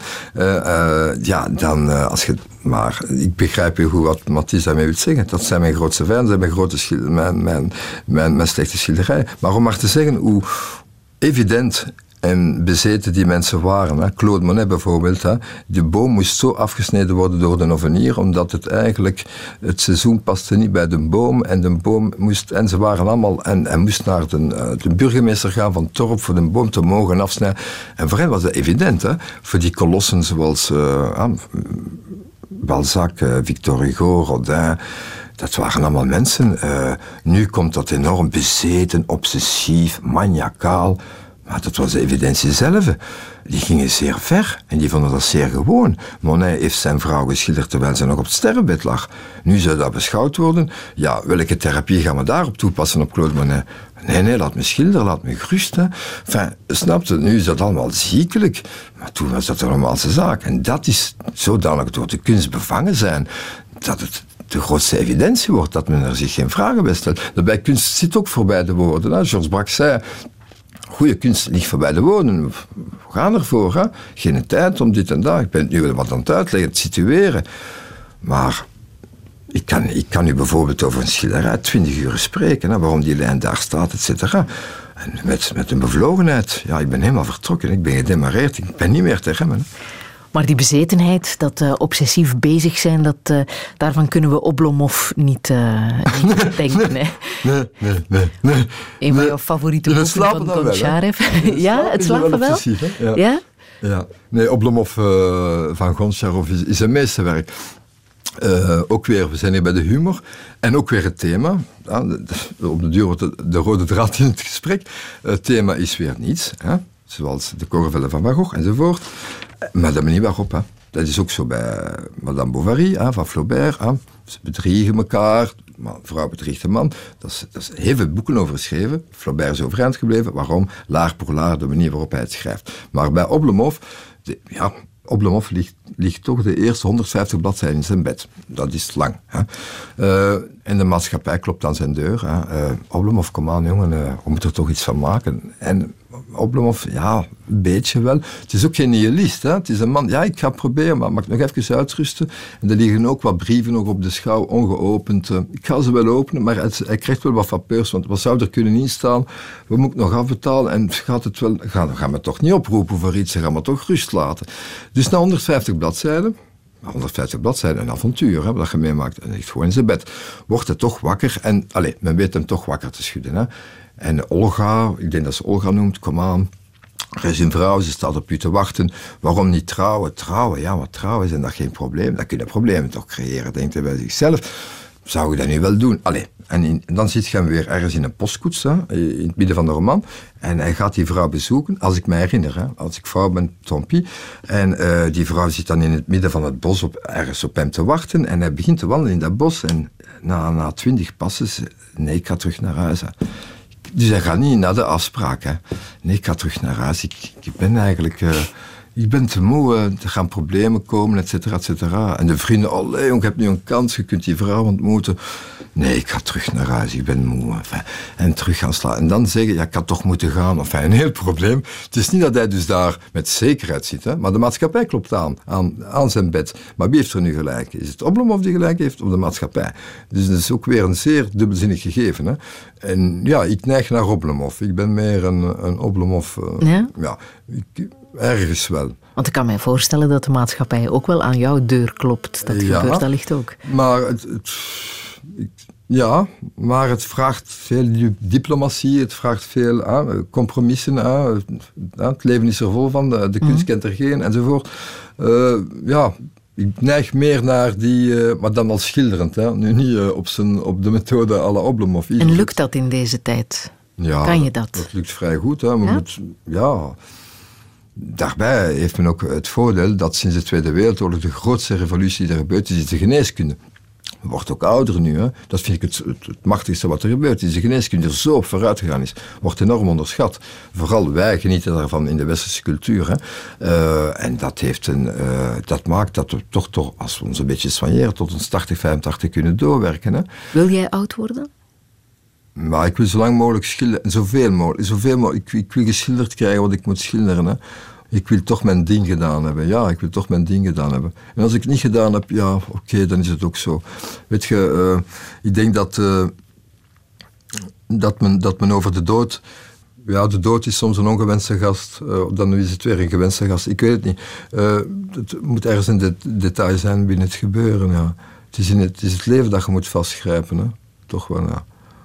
Wat wil je dan nog zeker geschilderd hebben? Ja, nog uitpuren. eh, nog plastisch veel meer. Nog ontdekken. Blijven plastisch ontdekken.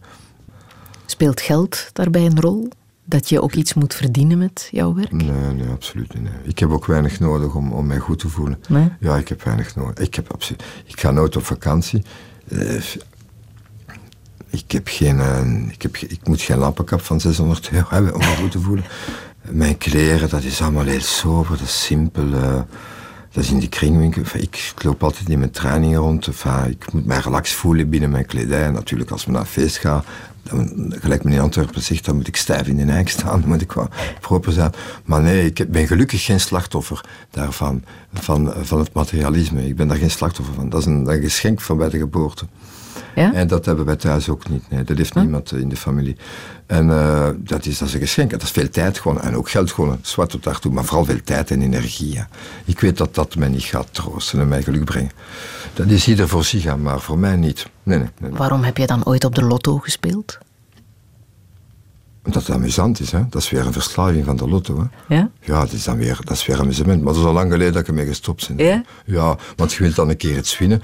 Allee, dat, is, dat, is, dat is dan weer eh, de gokker van Dostoevsky, hè. Maar dat is een ander ding, hè. Maar niet zo fel als Dostoevsky, hè. Als ik die gokker ben, eh, dan had ik geen cent meer, hè. Hij moest ook overal gaan hè. De Je bent op tijd, op tijd gestopt. Ja. Ja, ja, ik ben op dat gestopt. Love me, love me, you do. Let me fly away with you. For my love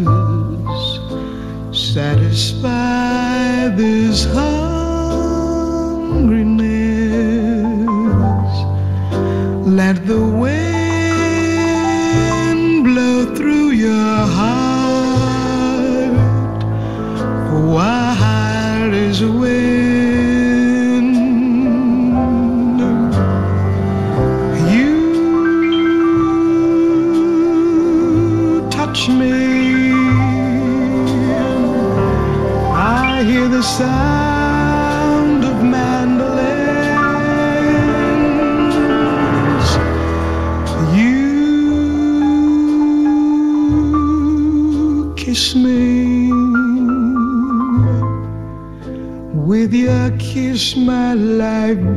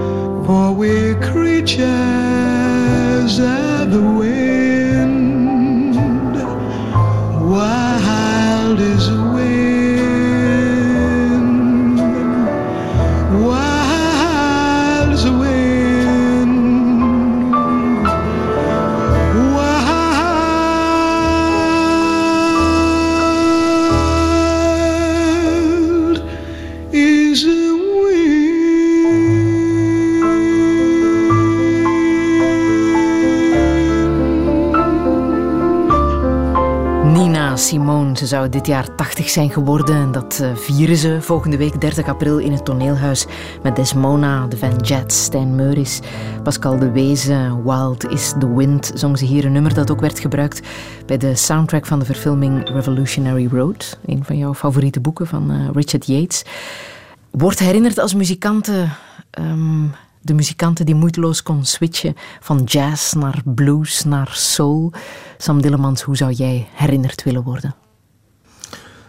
Eh, niet als, zeker niet als een slecht mens, want ik heb, eh, mijn intenties zijn goed met de mensen. Ja. Als iemand die toch wel wist eh, wat een- hoe een verfborstel in elkaar stak. Ja. En meer moet dat niet zijn. Maar dat- het blijft me eigenlijk wat gelijk. Het is vreemd genoeg, het blijft me wat gelijk. Ik wil herinnerd worden zoals ik nu leef, zoals ik nu bezig ben voor mezelf. Ja. En dat is niet egoïstisch bedoeld. Maar eh, toch wel als een borstel die overeind is blijven staan. Maar dat is ook zelfs niet pretentieus bedoeld. eh. ik vind dat je tijdloze in je dagelijks moet dragen. Ja. Dat wel, het tijdloze. Ben jij gelukkig? Ja, ik ben gelukkig, ja. Ik doe A, wat ik graag doe. En B, ik ben tot, tot nu toe nog altijd gezond. Dus ik ben gelukkig, uiteraard. Heb je ergens spijt van? Eh mm, ergens spijt van. Ik heb nergens spijt van. Ik heb nergens spijt van. Non, je regrette rien. Nu begrijp ik het. Nee, ik heb nergens spijt van. Eigenlijk niet, nee. Ik heb, ik heb mijn feesten gehad in mijn jeugd, hè, zoals het hoort. Hè. Maal drie. Ik heb goed gefeest in mijn jeugd. Ik heb heel hard gewerkt ook in mijn jeugd. Ik heb altijd kunnen doen wat ik... Nee, ik heb nergens spijt van. Eerlijk gezegd niet, nee. Nooit echt kwaad geweest op jouzelf? Maar ja, een mens maakt vergissingen. Hè. En dan zeg je, ja, ik had het anders moeten doen. Hè.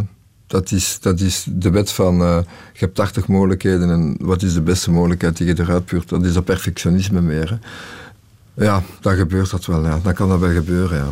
Maar ook weer niet met tragische gevolgen. Hè. Ik probeer ook zeker hoe ouder dat ik word, hè, ben ik toch meer te beseffen. Kijk, omdat u daarnet vroeg, eh, hoe kijkt u op naar de dood en, enzovoort. Wat vindt u, ah, wat is er iets na de dood? Eh, ik heb zoveel genoeg aan het leven. Hè. Zo rijkelijk gevuld voor mij tot nu toe. Ik spreek altijd voorzichtig, ik spreek met twee woorden. Dat de dood, eh, de gedachte aan de dood, geen ruimte krijgt. Tot nu toe nog niet. Ik kom het net te zeggen, het, leven moet zo rijkelijk gevuld zijn. Hè, dat, dat de dood geen plaats krijgt in het leven. Snap je? En dat, dat vind ik, tot nu toe is dat al vrij goed geslaagd, ja. Natuurlijk komt er ineens een besef, godtom, het gaat eindigen. Het gaat stoppen, hè. Het gaat stoppen, hè. En dat hebben we allemaal, hè. Dat is een soort midlife crisis. Maar ik heb altijd, alles wat er bij mij gebeurt, heb ik altijd uh, omver geschilderd, ik zal het zo zeggen. Dus de midlife crisis heeft uh, weinig ruimte, weinig tijd. Ik schilder, ik schilder alles wat ik meemaak eigenlijk. Ik wil hier weer niet uh, de wandelende borstel uithangen, maar het is een automatische reactie, een reflex. Ja, tegen de sterfelijkheid. Dus ik, ik, op alles. Hè. Als ik mij gelukkig ben, reageer ik als schilderend. Als ik me minder hoef, als schilderend. Hè. Natuurlijk heb ik ook de, de, troost bij mijn vriendin. Dat gaat allemaal rustig, het eten is op tijd en zo. Ik, ik leef wel zeer geordend en gestructureerd. Hè. In de jeugd gaat dat wel allemaal aan, feesten. Maar moet, moet schilderen ook volhouden. Hè. En op een bepaald moment, uh, kalm aan, rustig, et cetera. Ja, ça va, dat is goed. Heb je de dood ooit uitgedacht, denk je? Nee, nee, nee. Denk het niet, nee. Omdat ik, uh, ik heb gelukkig het gestel van mijn moeder. Ik kan wat, ik, ik, ik kan wat verdragen eigenlijk. Hè. Ik heb het gestel van mijn moeder. En in die familie, het gemiddelde is daar zo 102, dat is nou zo wordt. Maar ik heb wel een roofbouw gedaan door te roken, sigaretten enzovoort. En ik zit er nog altijd aan, maar ik doe nu niet mee met heel die moden enzovoort. Ik heb mijn sigaretten nodig. En Jacques Brel op het einde van zijn leven zei ook wel, ja, tant ik heb gerookt, ik heb me goed geamuseerd. Maar je telt ze wel, hè, je sigaretten? Ja, ik, ik tel ze soms, ja, dat is weer mijn... weer het fanatisme, omdat ik ook met mijn sport dat nodig heb. Uh, ja, soms ja, zijn momenten dat ik ze tel, omdat ik dan uh, daar rook ik minder, hè, omdat ik, uh, ja, ik wil dat sporten ook blijven volhouden. En dat is vervelend, omdat ik een sport beoefen die echt het onderste van de kan uh, vraagt. Hè. Mm. Dus ik moet er toch wel wat rekening mee houden. Nog. Ja. Ja, Deed je dat ook met de drank? Tellen wat je dronk? Nee, nee, nee, nee. Ik heb gelukkig mij, mij vrij kunnen voelen. Ik, ik, had niet altijd de druk van scholen op mij en examens enzovoort. Uh, ja, ik heb, dat, ook dat is weer een geschenk. Hè dat ik, dat ik mezelf kon uh, daarin ontplooien en, en mijn eigen feesten organiseren. En, uh, maar ja, ik stond wel altijd wakker. Ik, was, ik had mijn ritme altijd uh, binnen de feesten door. En ik heb fantastische momenten meegemaakt met mijn vrienden al feestend. de nachten door enzovoort. Dat, dat, ja, dat was zalig. Maar al goed dat dat gebeurd is. Je kan terugkijken op die, op, die, op die herinneringen en die zijn onuitputtelijk. Had ik toen de cassette opgestoken tot nu, want wat er dan allemaal uh, verteld is geweest, jammer. Na toen eigenlijk voor mijzelf een camera in de hoeken moeten stellen. Dat zijn echte souvenirs van toen. Ja. Welke boodschap wil jij hier nog meegeven? Ik heb een gevoel dat, dat, dat uh, Europa een beetje plastisch moe is. Dat is een, een, een, een filosofie van, van Oswald uh, Spengler uh, de ondergang eh, van het avondland, waarin hij stelt dat elke beschaving, dat die dus opgroeien, die worden ouder en die sterven. Hè. Oswald Spengler, dat is een boek van 1920, denk ik. Dat gaat van de Babylonische beschaving, Egyptische beschaving en zo, naar de Chinese, enfin, de Joodse beschaving enzovoort. Dat die een up heeft en dan een down krijgt. Dat het op is, het vat is op enzovoort. Nu is het zo dat Europa, uh, de Europese cultuur, is ook wel een beetje moe. Plastisch is wat moe. Hè? We zijn al bezig sinds uh, de Cycladische cultuur, sinds uh, allez, 3000 voor Christus. Hè? De Minoïsche, de, de Egeïsche, noem maar op. En dat is 5000 jaar dat wij ons, onszelf plastisch zijn aan het ontplooien, eindeloos. Hè. Het is zo dat vroeger de rijkste naties, hè, die dicteerden de smaak hè, in de kunst. Hè. Zoals in de tijd van Jan van Eyck was het dus Brugge en zo, de rijkste natie dicteert. Dan kwamen de Italianen een beetje, dat was Genua, dat was uh, Venetië. Dan de Gouden Eeuw, hè, altijd te maken met handelsroutes enzovoort. De rijkste natie dicteerde de smaak. Hè. En dan is Parijs gekomen, schitterende periode, et cetera. En dan na de Tweede Wereldoorlog, hè, na het bombardement van Europa, de Amerikanen ons komen bevrijden, waarvoor applaus en dank. En dan uh, hebben de Amerikanen dus de smaak gedicteerd.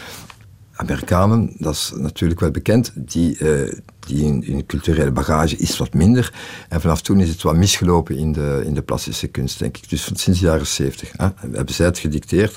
Wij hebben het in Europa wat overgenomen. En dan worden natuurlijk creaturen, uh, staan er creaturen op die vroeger onmogelijk een kans hadden gemaakt. Dus de willekeur is nu meer present. Het, het shock-effect, het, concept, het concepteffect van elk object. Uh, ik blijf ook altijd van mening, wat iedereen kan maken, is voor mij geen kunst. Een zeer eenvoudige uitspraak. Wat iedereen kan, is geen kunst. Wat ik elke kunstenaar aanraad, dat is mijn boodschap. Teken, teken, teken, teken. Teken tegen de stroom in van vandaag. Tegen de gemakzucht van vandaag. De, de En dat als je goed begrijpt dat bijvoorbeeld Bach 400 kilometer heeft afgelegd om naar Lübeck te gaan. Hè? Lübeck, Johan, de grote Johann Sebastian Bach met zijn oudere broer. Om daar Buxtetude te gaan kopiëren, op jonge leeftijd. Als Stravinsky zegt dat de grote vernieuwer, dat zegt de vernieuwing kan alleen geworteld zijn in traditie. Als Goethe, de grote Goethe, zegt, moest ik alles terug moeten geven wat ik van de oude heb geleerd, dan schoot er weinig van mij over. Dan moest ik, als Degas een derde van het Louvre heeft gekopieerd, hier noem ik al kolossen van namen. Als die mensen dat zeggen, die genieën, ja, dan denk ik dat het raadzaam is om naar die mensen te luisteren. Maar ik begrijp dat het zeer moeilijk is in de hedendaagse sfeer, waar vooral uh, alles wat naast de kunst is, belangrijk is dan de kunst zelf, vaak toch, dan kan ik alleen maar luisteren naar hen. Maar het is zwaar hoor. Het, het is een zware job om, zeker tegen de hedendaagse stroming in, om dat, die weg af te leggen, die tekenweg. Want wie goed kan tekenen is een vrij mens. Sam Dillemans, zullen we nog luisteren naar het uh, trompetconcerto van de Oostenrijkse componist Graag. Graag. Waarom? Het is tegenoverstellen van Vivaldi, want uh, over Vivaldi, ik zal over Vivaldi zwijgen, want Vivaldi heeft die enorme snelheid waar ik vaak op gewerkt heb. Maar Vivaldi is tjoeke, tjoeke, tjoeke, tjoeke, daar heb ik jaren op gewerkt. Dus ik ben enorm voor Vivaldi en Scarlatti. En, uh, Om mee te kunnen schilderen op ja, de muziek? Ja, dat, is, dat, doe, dat doe ik zelden. Hè. Normaal is, is voor mij de muziek komt door de background. Maar Vivaldi heeft mij in een, in een trance, echte trance gebracht. Hè. De snelheid van Vivaldi. Rossini heeft dat ook. Hè. Bij zijn ouvertures ben ik vertrokken. Hè. Maar Vivaldi blijft gaan. 500 concertos lang. Maar Hummel is, dat we zijn er weer. Hè. We zijn weer vertrokken. Hè. We zijn de never-ending story. Het blijft. Dus je kunt 18 uur hummelen. En ook zo schoon, gewoon schoon, hè. punt uit.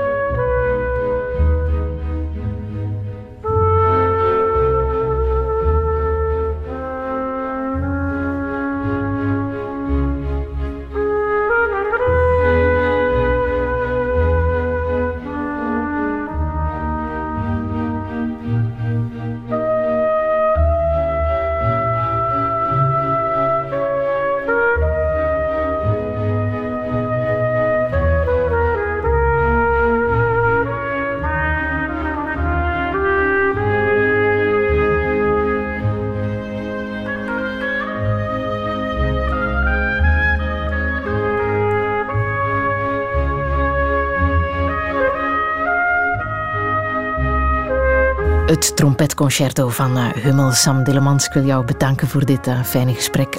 En je weet waar naartoe, naar het kasteel van Gaasbeek. Touché. Radio 1.